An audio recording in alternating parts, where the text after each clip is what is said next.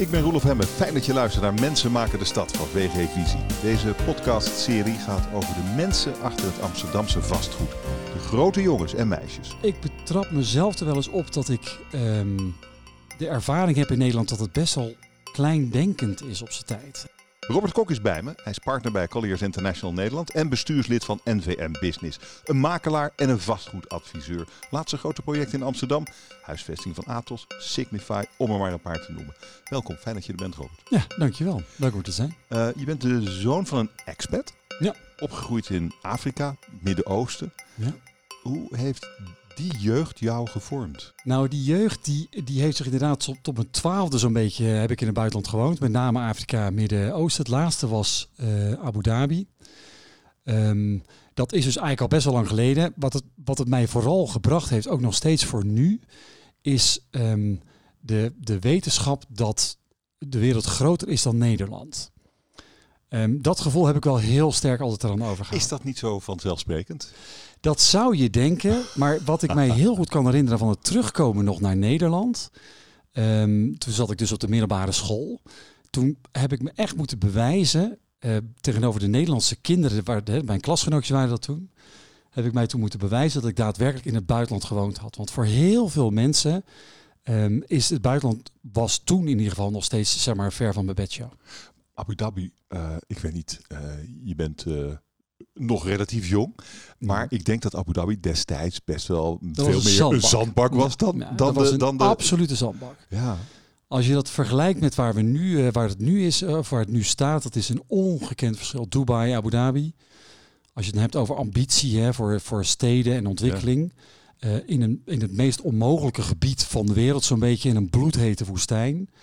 Ja, vind ik dat ongelooflijk knap wat ze daar voor elkaar hebben gekregen. maar denk je wel eens na over, eh, vergelijk je dat wel eens, die, die jeugd in Afrika, het Midden-Oosten, met hoe Nederland is en waar Nederland vandaan komt en waar het naartoe zou kunnen gaan? Nou ja, in zekere zin wel. En dan heb je het met name over zeg maar, ambitie. Hè. Ehm, ik, ik, wa- ik betrap mezelf er wel eens op dat ik ehm, de ervaring heb in Nederland dat het best wel kleindenkend is op die, het, het is, gaat vooral heel erg over wat er in Nederland gebeurt. Ehm, en Kleindenkend, Ja, kleindenkend. Geef eens een voorbeeld. ja, dus dat gaat veel inderdaad over, ehm, denk ik, met name eh, groei van het land. Nederland is natuurlijk een ongelooflijk rijk land. Ehm, maar we kunnen dat volgens mij nog veel meer en veel beter gebruiken. Dat, dat vind ik met name interessant aan Nederland. Dus het is, het is rijk, er kan heel veel, maar we denken nog heel erg een beetje in dat, in dat, in dat polderdenken. Dat we moeten heel lang praten over dingen, hè, dat. En dan groeien we eigenlijk helemaal niet zo hard. Oké, nou d- hier komen we over te spreken. Ik, eh, ik wil je eerst een beetje beter leren kennen. Ik wil je een paar vragen stellen, een paar korte vragen die ook Ja. een kort antwoord vragen. Toelichting mag eh, later. Wat is je grootste succes? Ehm, zakelijk is dat denk ik de verhuizing geweest. eh, een jaar of zes geleden is dat inmiddels naar de Randstad. Van het kantoor. Eh, nee, privé. Dus Oh. met het gezin. En dat heeft mij zakelijk heeft mij dat heel veel gebracht. Dat is interessant. En wat was je grootste fuck-up? Zo. Ehm, nou, misschien heeft dat wel met hetzelfde te maken. Ehm, daar waar ik had gebouwd aan relaties, aan goede zakelijke relaties in de tijd voor mijn eh, tijd in de Randstad, dacht ik dat ik daar heel makkelijk op kon voortborduren toen ik eenmaal in de Randstad woonde. En dat viel eigenlijk best wel tegen.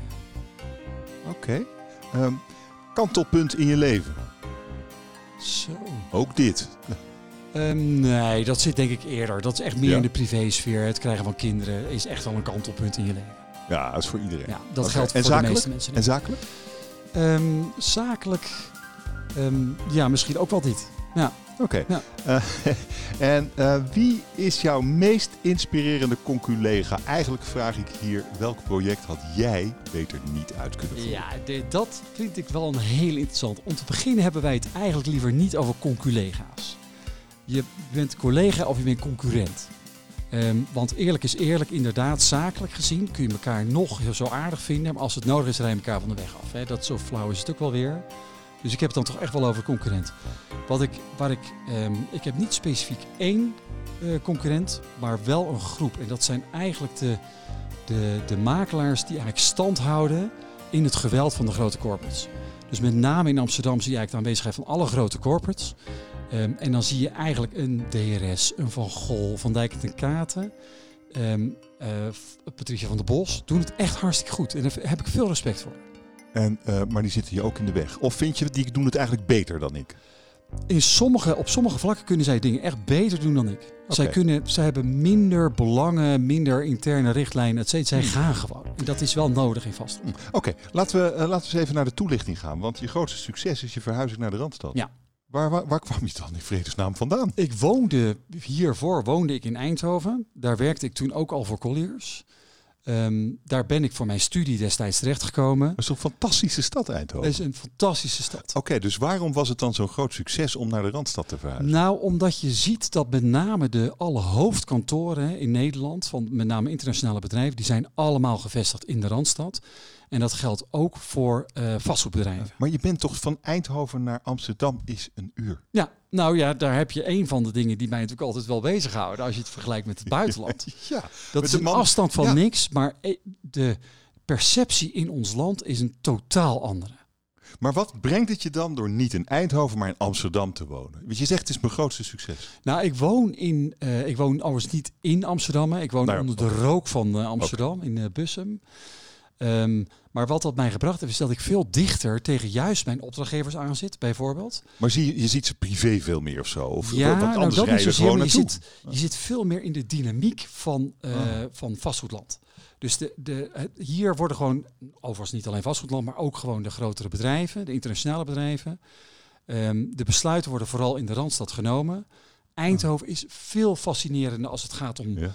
uh, groeiambities, ja, denk ik. Technologie, dat soort dingen. Dat vind, vond ik echt geweldig. Ik heb er met heel veel plezier gewerkt. Oké, uh, en tegelijk, je noemt eigenlijk je, je verhuizing naar de Randstad ook je grootste vak op.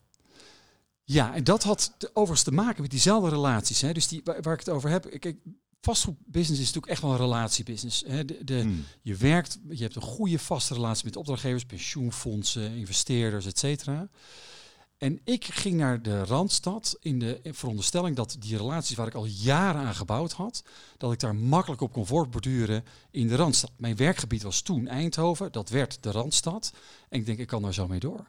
En dan blijkt eigenlijk dat er al heel veel lijntjes en afspraken liggen, et cetera. Je moet gewoon opnieuw beginnen. Ja, ja, ja, dat viel mij ongelooflijk tegen.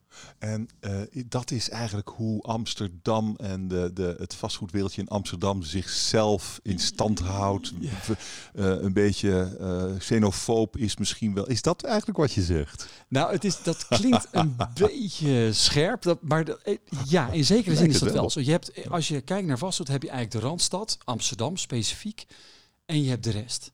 Ik vind het fascinerend dat ik collega's heb die in Amsterdam wonen en werken in het vastgoed en eigenlijk de weg naar Eindhoven niet kennen, bij wijze van spreken. En waarom niet? Omdat eigenlijk die vastgoedmarkt in hun ogen daar niet toe doet. Hm. Die is hm. altijd kleiner dan de Amsterdamse vastgoedmarkt. Amsterdam is ook wel, dat is eigenlijk het walhalla als je in vastgoed zit. zeker, ja, zeker. Hier is gewoon het meeste geld te verdienen. Tuurlijk. Ja, ja. De huurprijzen zijn twee, drie keer zo hoog dan in de rest van het land. Uh, het aanbod is veel groter. Um, en het type bedrijf wat hier naartoe komt, is, ja, dat is wel heel aantrekkelijk, zeker. En dan zei jij uh, in antwoord op een van mijn vragen, um, de, het, is, het is moeilijk, als ik het even vrij vertaal, om met de, de hele grote partijen te concurreren. Want je zei ook nog, ja, ik reis ook wel van de weg af als het moet. Ja. maar het is, het is dus best een moeilijke business, heb jij ervaren. Ja, dat, dat is het zeker. Het is maar is Colliers dan een kleintje? Nee, Colliers die eh, zit eigenlijk in het rijtje van de grote corporates. Ja. Um, ik moet wel zeggen dat Colliers was inderdaad met name aan die echte uh, core makelaardijkant was het eigenlijk een relatief kleine speler in Nederland. Uh, maar he, wel heel sterk in allerlei andere takken uh, van vastgoedadvies, met name taxaties, advisering van gemeentes, pensioenfondsen, dat soort dingen. Maar echt aan de, aan de harde transactiekant was Colliers een relatief kleine speler. Oh ja, leuk idee, maar kreeg nooit iets voor elkaar. Exact, dat een beetje. Ja, nou ja, inderdaad. En dat, dat is ook een van de redenen waarom ik destijds naar Amsterdam verhuisd ben. Om dat een beetje een boost uh, te geven. Oké, en is het gelukt? Waar werk je nu aan in Amsterdam? Nou, dat is eh, zeker gelukt. Met name was mijn grootste uitdaging om een team te vormen van makelaars. En dat, dat, ik ben er niet heel trots op, eerlijk gezegd. Maar ik had toch echt een team van makelaars nodig uit het Amsterdamse. En waarom? Hmm. Omdat die de capaciteit hebben om de snelheid, hè, het tempo in vastgoed, maar ook wel een beetje die, die arrogantie, zeg maar, die er natuurlijk toch leeft in die stad, om die aan te kunnen. Dus mijn belangrijkste uitdaging was het vormen van een team die dat goed aan kan. En dat is echt wel gelukt. Ja, zeker. Ja. Um, en waar heeft dat toe geleid? Tot de, laten we gaan kijken wat je nu aan het doen bent. Wat, ja. wat, zijn, wat, is nu, wat zijn nu je, je grote projecten? Nou, de grote projecten zijn met name nog steeds wel de verhuren van, uh, van uh, kantoorgebouwen. Hè. Dat is echt mijn tak van sport. Vind ik ook echt heel leuk. Je kunt vastgoed eigenlijk fileren in allerlei hmm. onderdelen. Verkoop en verhuur is natuurlijk echt de harde transactiekant. Verkoop is iets wat bij de grotere kantoren ondergebracht is, vooral bij, in, uh, bij, de, bij de afdeling Capital Markets. En verhuur is bij agency. En dat, ik doe dat nog steeds. En ik vind dat nog steeds heel erg gaaf om te doen. Hmm. De grote projecten zitten één op de Zuidas uh, Oosterdoks eiland, uh, Zuidoost. Dat zijn eigenlijk wel een beetje de gebieden waar op dit moment gewoon heel veel gebeurt. Ja. Um, er zijn wel dingen aan het veranderen. De, de minder gewilde, verouderde gebieden in de stad, Sloterdijk, Amstelkwartier, ja. Zuidoost, je noemde het al, uh, zijn eigenlijk hotspots aan het worden. Ja. En de Zuidas, uh, nou ja, er, ik geloof niet dat de Zuidas eronder leidt, maar er komt wel concurrentie. Wat zie jij gebeuren? Nou, wat wij zien gebeuren is dat met name inderdaad de gebieden die natuurlijk toch een beetje achtergebleven uh, waren. Ik noem bijvoorbeeld een Zuidoost of een Sloterdijk. Mm -hmm. Daar is in de afgelopen jaren eigenlijk heel veel geïnvesteerd in transformatie naar wonen, hotels, uh, dat, soort, dat soort bestemmingen. Ja, een enorm pensioenfonds gaat er naartoe. Ja, onder andere. Ja, ja. Um, overigens, dat gaat dan gewoon weer met een uh, met kantoor. Ja. Um, maar je zag eigenlijk wel een trend ontstaan dat er heel veel onttrekking was van commercieel vastgoed, dus van kantoren, in allerlei andere bestemmingen. En dat maakt een gebied dus ook aantrekkelijker. Overigens, um, wat je wel zag is dat er eigenlijk heel veel gefocust werd op het transformeren van een gebouw of twee gebouwen. Maar wat er heel sterk nog achterbleef was eigenlijk een totale gebiedsvisie. En dat is ook wel fascinerend aan Amsterdam. Dat is echt nog heel erg gesegmenteerd. Dus je hebt gesprekken als adviseur zoals wij zijn met allerlei verschillende deelgemeenten om dan te kijken naar wat er in hun stadsdeel gebeurt. Mm -hmm. En dan gaat het vooral weer over, oké, okay, wat doen we dan met dat gebouw? Maar wat minstens zo belangrijk is, is hoe moeten mensen daar bijvoorbeeld komen? Um, of hoe veilig voelen mensen zich, met name s'avonds, als ze naar een station moeten? Hoe goed is die ontsluiting met het openbaar vervoer? Iets wat ongelooflijk veel belangrijker aan het worden is, hè, steeds meer. Ja, maar jij zegt eigenlijk, de stad Amsterdam kijkt te veel vanuit uh, kleinere perspectieven naar het grotere geheel. Ja, dat en, vind en, ik van wel. Ja. En, en wat zijn dan de grote gemiste kansen? Nou, de gemiste kansen zijn in mijn beleving vooral de, uh, zeg maar, een soort van paraplu-view. Um, van joh, als je nou in dat gebied dat ontwikkelt, dan moet je misschien in dat gebied wel iets anders compenseren. In plaats van dat we in al die losse gebiedjes eigenlijk steeds weer hetzelfde programma loslaten. Van oké, okay, we hebben zoveel kantoren, die staan leeg, die moeten dus transformeren naar wonen. Die, die dan, dan heb je dus niet een totaalvisie over zo'n stad. En dan krijg je dus segmenten. Maar misschien is dat wel de totaalvisie. Want wonen, vooral middel, middeldure huur, is echt een mega groot probleem, toch in Amsterdam? Ja, dat is een heel groot probleem. Maar er is ook nog wel heel veel ruimte om dat te doen. Dan moet je alleen wel daar toch je, volgens mij wel een richting kiezen. Um, van waar wil je dat dan heel graag hebben en hoe verbind ik dat dan vervolgens bij die stad? Dus als je kijkt naar een gebied als Noord, waar nog echt voldoende ruimte is om dit te doen, dan, de uitdaging die daar vooral speelt, is hoe, hoe verbind ik nou dat gedeelte met de stad Amsterdam? In plaats van dat ik op een eiland woon, à la, nou, ik noem een Eiburg bijvoorbeeld, mm -hmm. uh, wat verbonden is met een bruggetje. Je bedoelt een letterlijke verbinding? Een letterlijke verbinding, ja. ja. En waarom zou die er dan niet zijn? Dat is misschien wat je gemeentelijke kortzichtigheid zou kunnen. Deelgemeentelijke ja, kortzichtigheid. Kijk, waar zoiets? ik van weg wil blijven, eerlijk gezegd, is om het allemaal te schuiven naar de gemeente. Ik vind mm. kort, ik heb uh, in allerlei rollen als uh, dagvoorzitterschap en dat soort dingen heb ik met veel van dit soort partijen tegelijk gesproken, ontwikkelaars, gemeente, et cetera. En je ziet eigenlijk dat er, er is altijd voldoende ambitie bij die partijen. Ja. Um, alleen om dat nou daadwerkelijk handen en voeten te geven, dat lijkt toch heel ingewikkeld. En dan spelen er allerlei belangen. En dat is waar ik het net ook over had. Als je het hebt over het heel erg, we praten er heel lang over. En het is een soort van poldermodel wat we helemaal gefileerd hebben. En uiteindelijk komt het er niet of nauwelijks. Geef eens een voorbeeld. Nou ja, het is. Voorbeeld van een project van in een van die, nou, in een van die gebieden waar we het net over hadden, waarvan jij zegt, nou dat kunnen we zo doen, maar er zit van alles in de weg. Nou, als je ehm, in Noord hè, is er bijvoorbeeld het Drakenterrein, dat is, dat is verkocht aan een grote internationale investeerder. Die gaat dat ontwikkelen. Daar is dus al heel lang discussie één over hoeveel ehm, eh, sociale woningbouw moet je daar bijvoorbeeld kwijt. Hè. Daar liggen dus al heel veel beperkingen. En dat maakt het voor zo'n investeerder ontzettend moeilijk om dan ook daadwerkelijk rendement te krijgen uit zijn investering. Dat vind ik al één. Vervolgens krijgen we discussies over hoe kom je daar nou eigenlijk? En hoe zorgen we er nou voor dat dat gebied dat we daar gaan ontwikkelen ook echt super aantrekkelijk wordt voor de gehele stad? Nou, een van de dingen is een verbinding. Het kan niet zo zijn dat we dat soort gebieden uh, maar moeten blijven ontsluiten met een pontje. Dat, dat, dat kan niet. Nee. En dan moeten we misschien heel grof een besluit durven te nemen dat we cruiseschepen misschien meer niet meer in het hartje centrum moeten willen hebben. Um, en dus veel meer brugverbindingen kunnen aanleggen. D dat soort basale keuzes moet je volgens mij veel makkelijker kunnen maken. Ja, ja, ja dat is. Um, ja, dat is een dat is een beetje. Kijk, de ambitie van Amsterdam is natuurlijk ook immens. Het, het, gaat om toeristen, het gaat om de grootste bedrijven moeten komen. Er moeten ontzettend veel middenhuurwoningen komen, sociale woningbouw. Oh ja, we hebben Schiphol nog, luchtvaarthub. Economisch moeten we aan de weg timmeren.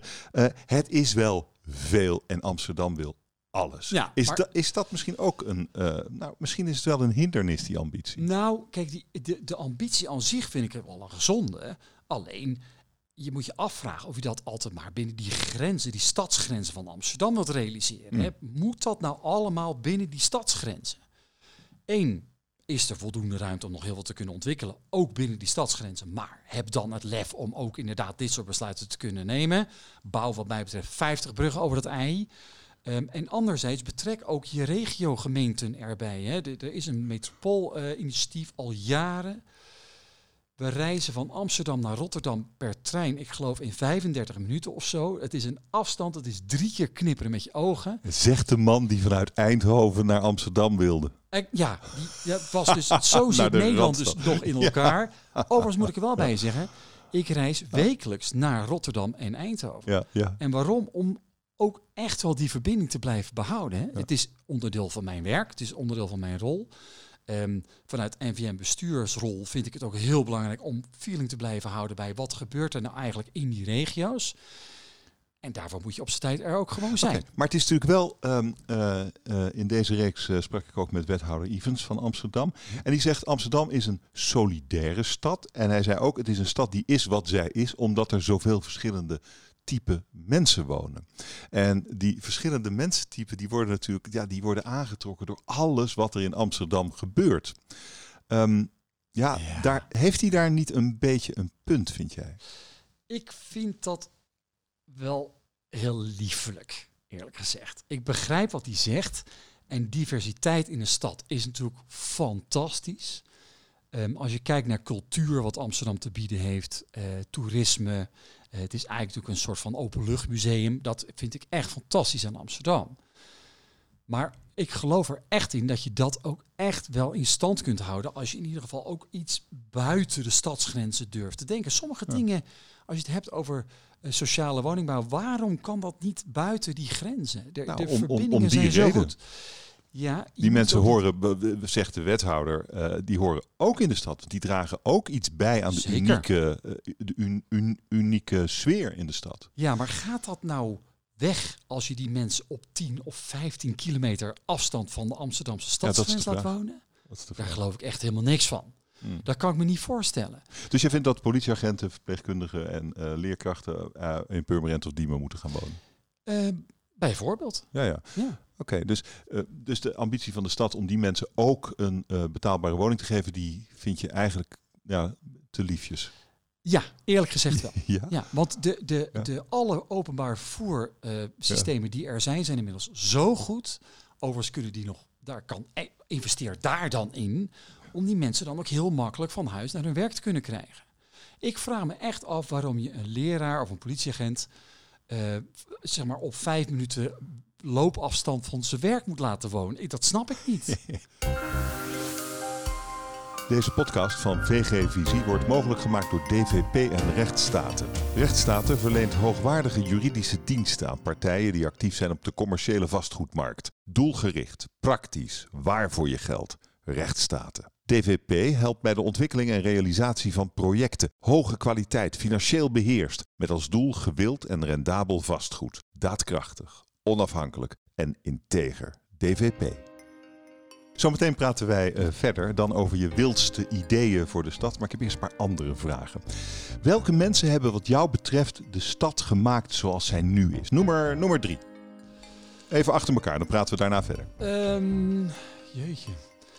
Nou, ah, ik kijk dan voornamelijk vanuit vastgoedperspectief, ja. dat zul je begrijpen. Ik vind um, de ontwikkelaars van de houthavens, Heren 2, vind ik heel gaaf wat die gedaan hebben. Daar is, um, daar is ook een prachtig gebied ontwikkeld in de binnenstad. We gaan ja, het, we gaan we het zo, we gaan het zo toelichten. Ik vind de initiatiefnemers van de Adamtoren echt fantastisch. Dat was een puist en dat is nu iets heel gaafs. Houthavens, Adamtoren. Um, wie de initiatiefnemer is, dat weet ik niet. Maar ik vind Eiburg nou een voorbeeld van ik denk, nou, dat, dat had anders gekund. Oké. Wat vind je gaaf aan, uh, aan dat project, eh, of aan het project Houthavens? Ja, Houthavens heeft eigenlijk iets unieks in zich. En dat is dat het echt in die binnenstad van Amsterdam ligt. Op een prachtige locatie. Dicht bij het centrum. Aan de goede kant ook nog van het ei. Hè, dus dicht bij het Centraal Station. Um, en daar is op een relatief kleine plot is daar echt heel ambitieus een combinatie van wonen en werken gebouwd. Ook hele gave gebouwen neergezet. Daar is iets heel moois ontwikkeld. En, en wat vind je, vind je het mooi zoals het er staat? Of vind je de gedachte erachter mooi? De visie die daar uitspreekt? Nou ja, de visie is één dat er, er is dus invulling gegeven aan twee behoeftes. Dat is aan wonen en aan werk. En dan een stuk recreëren ook nog. Want je kunt er dus ook heel plezierig verblijven. Um, dat dus inderdaad met name vanuit die visie. En wat er da, vanuit die visie is er iets heel moois gerealiseerd, uh, denk ik. Wat daar beter had gekund in mijn beleving is met name ook weer die bereikbaarheid.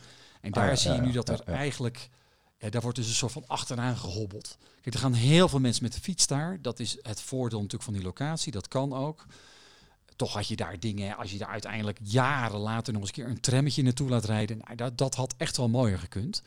Maar ik geloof niet dat dat nou echt specifiek iets is wat je die ontwikkelaar kunt aanrekenen. Die heeft daar gewoon iets neergezet. Die had daar een opportunity, die heeft er iets moois neergezet. En dat moet, dat, dat, ja, dat kan misschien vooral op die plek uh, dat is het ook. Het is die plek met die ontwikkeling. Ja. En, en, en het, uh, de tweede die je noemde, ben, ik ben hem even kwijt. Was, Adamtoren. Oh ja, Adamtoren. Ja, dat is natuurlijk ook wel een waanzinnig ding. Ja, dat ding dat ken ik natuurlijk al heel lang. Hè. Ook voordat ik uh, in de Randstad woonde. Is, dat was eigenlijk een soort van icoon geworden van wat we met z'n allen eigenlijk niet willen. Het is gekraakt, er zat asbest in, is van alles en nog wat was ermee.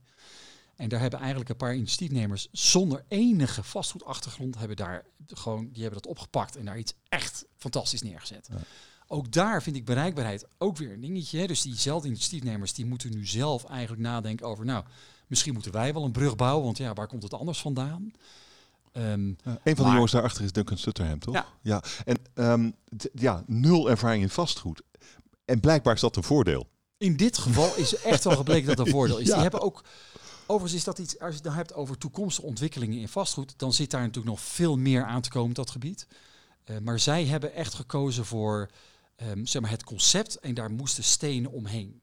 En dus de stenen zelf waren niet leidend, maar het concept was leidend. Ja. Dat hebben zij fantastisch gedaan. Je ziet dat veel meer ook ontstaan. Het was al iets wat gaande was. Dat gaat nu wel echt versterkt worden. idee. Je, je komt toch eigenlijk steeds terug op het idee. En, uh, en, en, en, dan is de vorm ja, er moet een vorm bij, bij passen. Maar het, gaat, het, het, idee is leidend. En wat mis je dan in Eiburg, je, waarvan je zegt van nou, hmm, dat was het eigenlijk niet?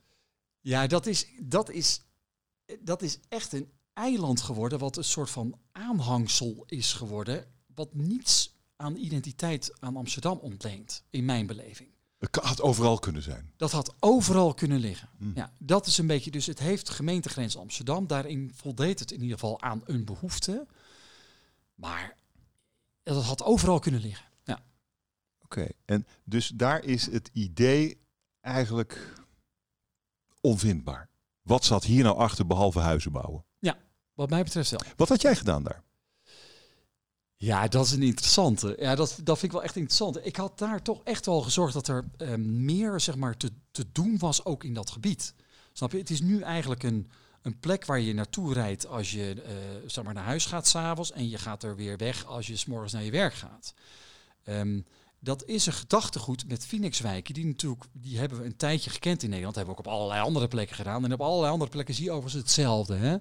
Dus het, dat waren eigenlijk gebieden in het buitengebied, in het water of in een weiland of ik noem het maar. We zorgen voor een goede treinverbinding en nou, dan gaat het vanzelf werken. Maar dan, dan zit er nog te weinig ziel in zo'n omgeving. Hoe krijg je ziel in een woonwijk?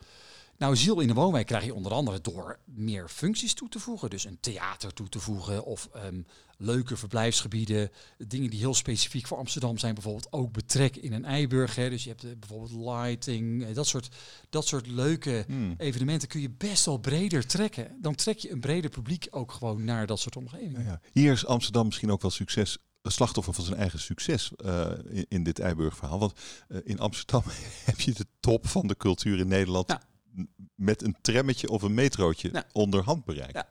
Uh, dus waarom zou je dan in een woonwijk dat gaan doen? Ja, maar dat is, is misschien. Ik geloof ook niet dat je dat nu nog heel erg kunt draaien, hè? want het nee, staat er. Staat er, het is er. Het is mensen is. zijn er waarschijnlijk heel gelukkig. Dat in de Phoenix-wijken zijn mensen toch ook heel gelukkig. Zeker.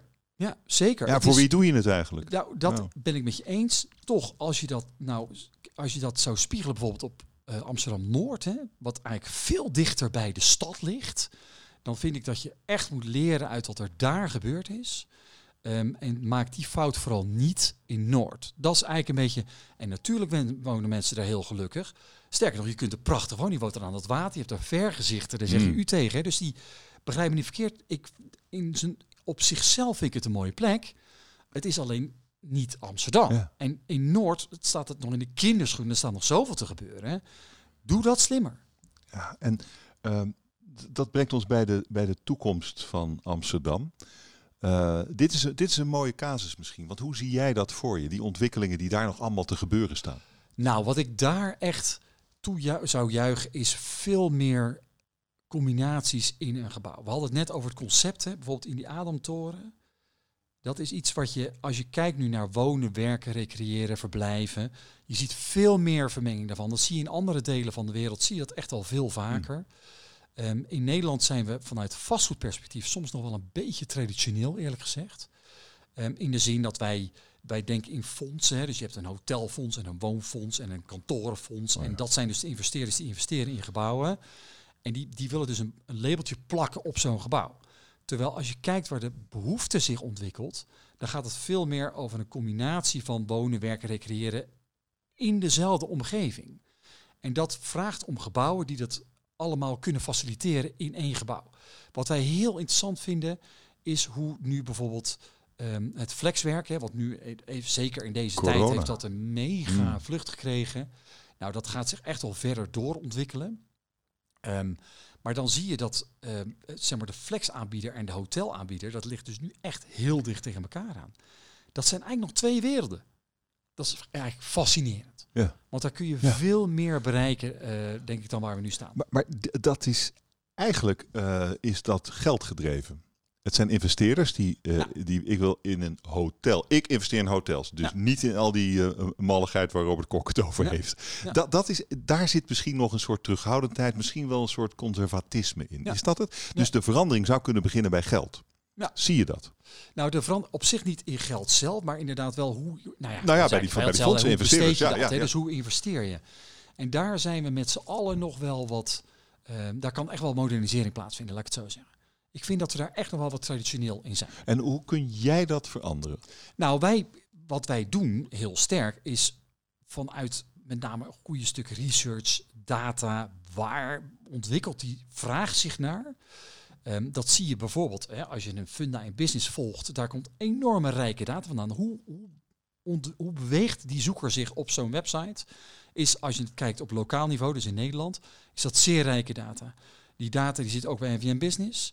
Daar kunnen wij echt modellen uit ontwikkelen. Onze researchafdelingen, met name van alle grote corporates, kunnen al die vertaalslag vanuit dat soort informatie kunnen zij maken. Want wat, wat, wat zie je dan? Dan zie je eigenlijk de behoefte in de markt. Ja. In het zoekgedrag. Zeker. dat is ja, je het. vertaalt eigenlijk gewoon het zoekgedrag. Kun je een voorbeeld geven van wat je dan, uh, de conclusies die je daaruit kunt trekken? Dat is misschien wat je net zei, dat er verschillende functies worden gezocht in één gebouw. Ja, nou het is... Kijk, dat is nog niet zo vindbaar. Dat is, nee, dat is dus zeker nee. niet vindbaar. Dus de, dat aanbod is er nog veel te weinig. Je zag in de afgelopen jaren al wel een enorme vlucht in flexaanbieders. Dus kantoorgebouwen, eh, flex on, zeg maar, concepten van allerlei plumage. Uh, waar mensen dan naartoe konden. Je zag wel dat er Uh, daar, dat voldeed dus voor een gedeelte in de vraag, maar wij zien in ieder geval vanuit die data en die, die zoekvragen, zeker nu heeft dat een heel snelle vlucht genomen, om een idee te geven. De, de zoekvragen op Funda Business, die waren enorm gekelderd, hè, tot, tot, tot zowat de helft zo'n beetje, toen corona uitbrak. Inmiddels zitten we weer op het niveau van voor corona. Maar je ziet wel dat er echt heel erg gezocht wordt naar een andere invulling van behoeften.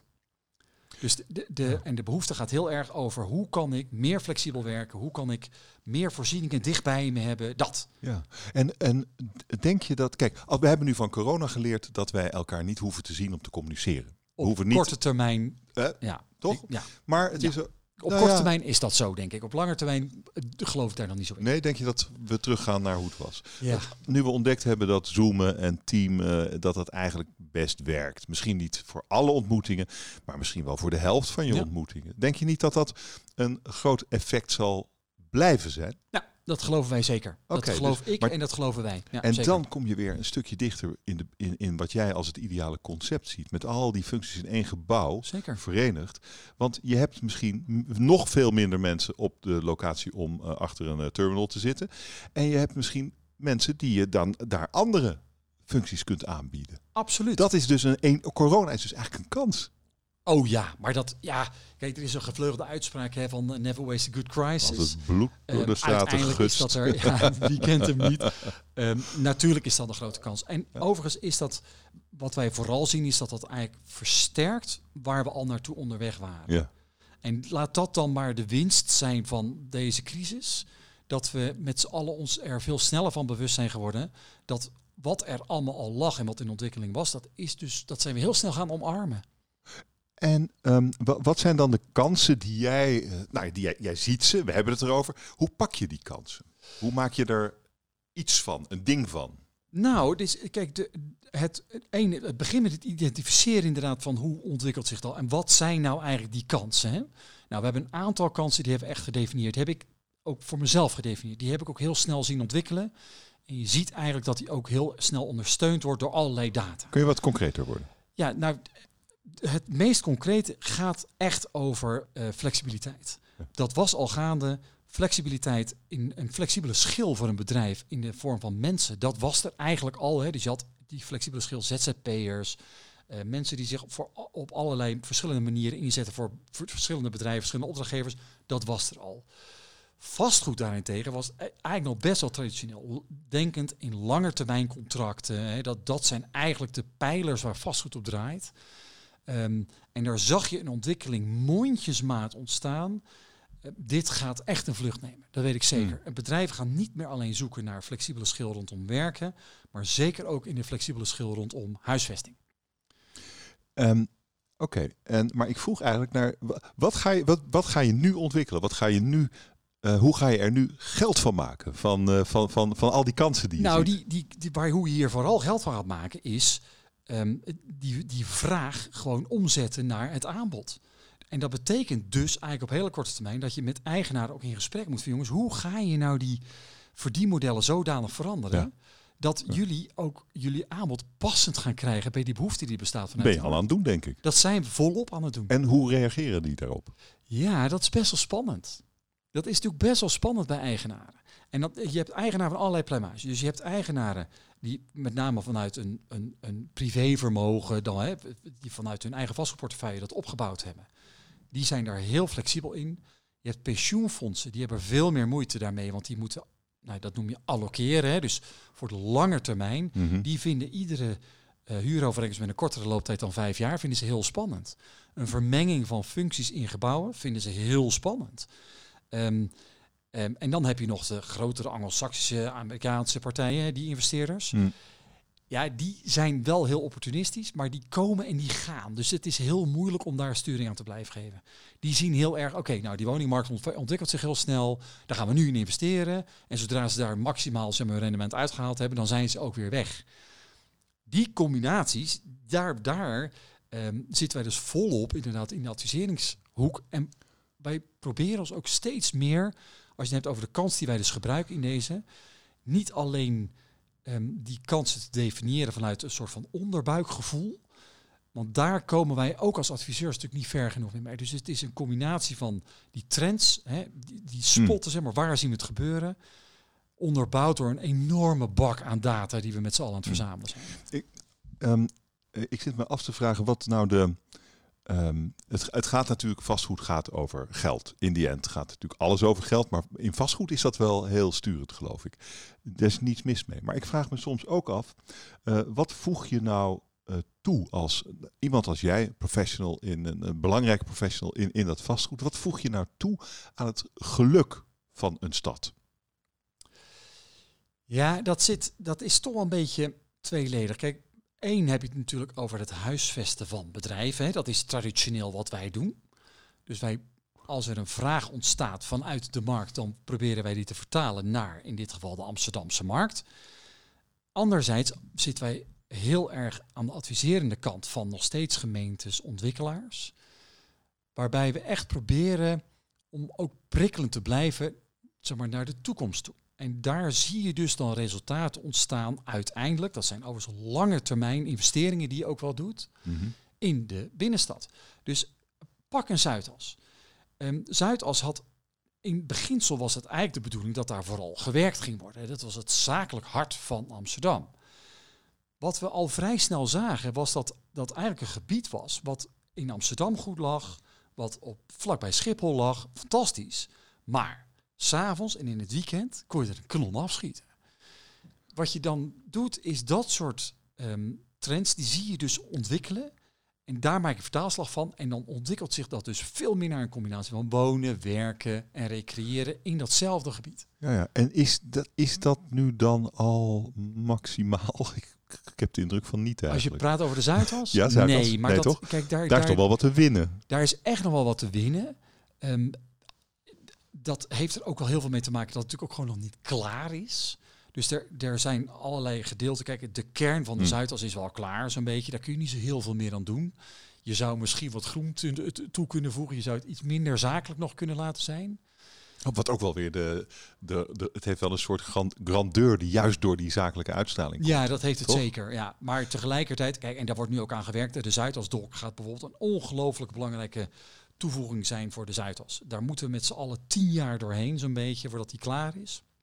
Maar je krijgt dan veel meer verbinding met de hmm. stad. En ook gewoon een openbaar vervoerterminal dat die past in ieder geval bij wat überhaupt de grandeur is van die Zuidas. En in tussentijd is die Zuidas zichzelf ook verder nog aan het ontwikkelen. Mm. dus educatie bijvoorbeeld, de universiteit, dat soort gebruik ga je nog veel meer zien ook op die hmm. Zuidas en die integratie daarvan. En dan zie je zometeen echt levendigheid in in wonen, uh, werken was er al. Wonen gaat natuurlijk nu nog heel erg over met name expats die daar een appartement huren. En ja, die zijn er vaker niet dan wel. Nou, je wilt daar gewoon ook meer permanente bewoning hebben. Dat is allemaal wel in ontwikkeling, maar dat is er gewoon nog niet. Ah. Ben je nou een echte Amsterdamse vastgoedjongen geworden eigenlijk? Nee, nee, nee. Wil, wil, wil, wil, je dat eigenlijk wel? Nee, want ik, ik vind Amsterdam fascinerend, maar ik vind Rotterdam ook fascinerend. En Den Haag en Utrecht en Eindhoven vind ik allemaal in hun eigen rol fascinerend. Dus ik wil mij echt ook niet beperken tot Amsterdam. Dat zou ik hmm. echt zonde vinden van mijn rol. Eh, aan het begin van ons gesprek hadden we het ook over uh, jou, hoe je bent opgegroeid tot je twaalfde in Afrika, in het Midden-Oosten. En dat je daar ook een soort bredere uh, blik aan over hebt gehouden op, op, ons land, op de wereld. Je weet, de wereld is groter. heb je dan niet het gevoel om zelf nu weer die grote wereld in te trekken? Je bedoelt om daar te gaan werken? Bijvoorbeeld. Nou, dat, die ambitie heb ik zeker. Waar zou je heen willen? Um, nou, ik vind steden die groter zijn dan Amsterdam. Dat zijn er best veel. En dat zijn er best wel veel.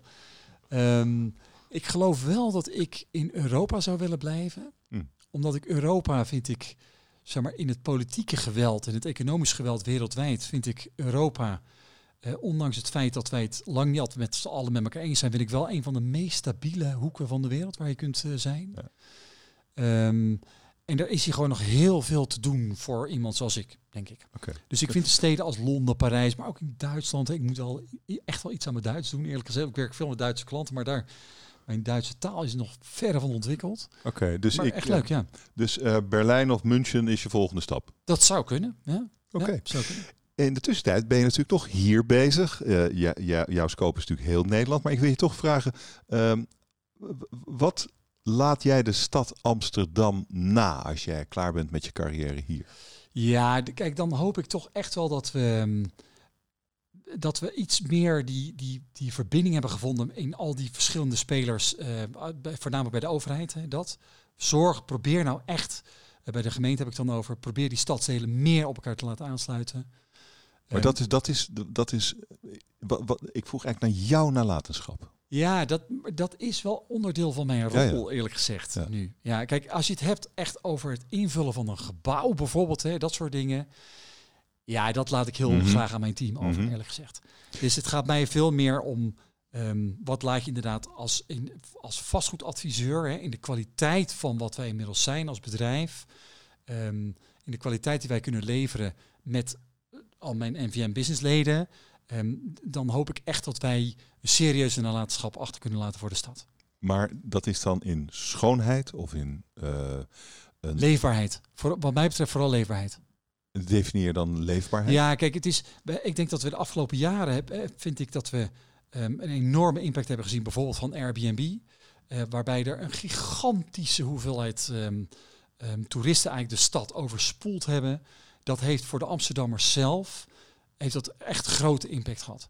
Ik vind dat we, ik hoop dat we dat ook een beetje overhouden nu aan eh, deze coronacrisis. Het is heerlijk rustig, er is niemand. Juist, het is als je praat, als je kijkt naar de mensen zelf die in de stad wonen, maar ook als je er zelf doorheen gaat, het is een, eh, je ziet nu eigenlijk weer de stad in zijn meest pure, mooie vorm. Ehm, en dat kon je nauwelijks meer zien, omdat je gewoon, er was zo'n gigantische impact van mensen en verkeer in die stad. Ja, dat, ik mag hopen dat we dat nou een beetje terug gaan vinden. Dus je aanbeveling is eigenlijk, eh, nou stop met Airbnb. Zou je kunnen Pas zeggen? het iets aan. Weet je, ja, toeristen ook gewoon naar Diemen en Purmerend. Ja, nou ja, dat is.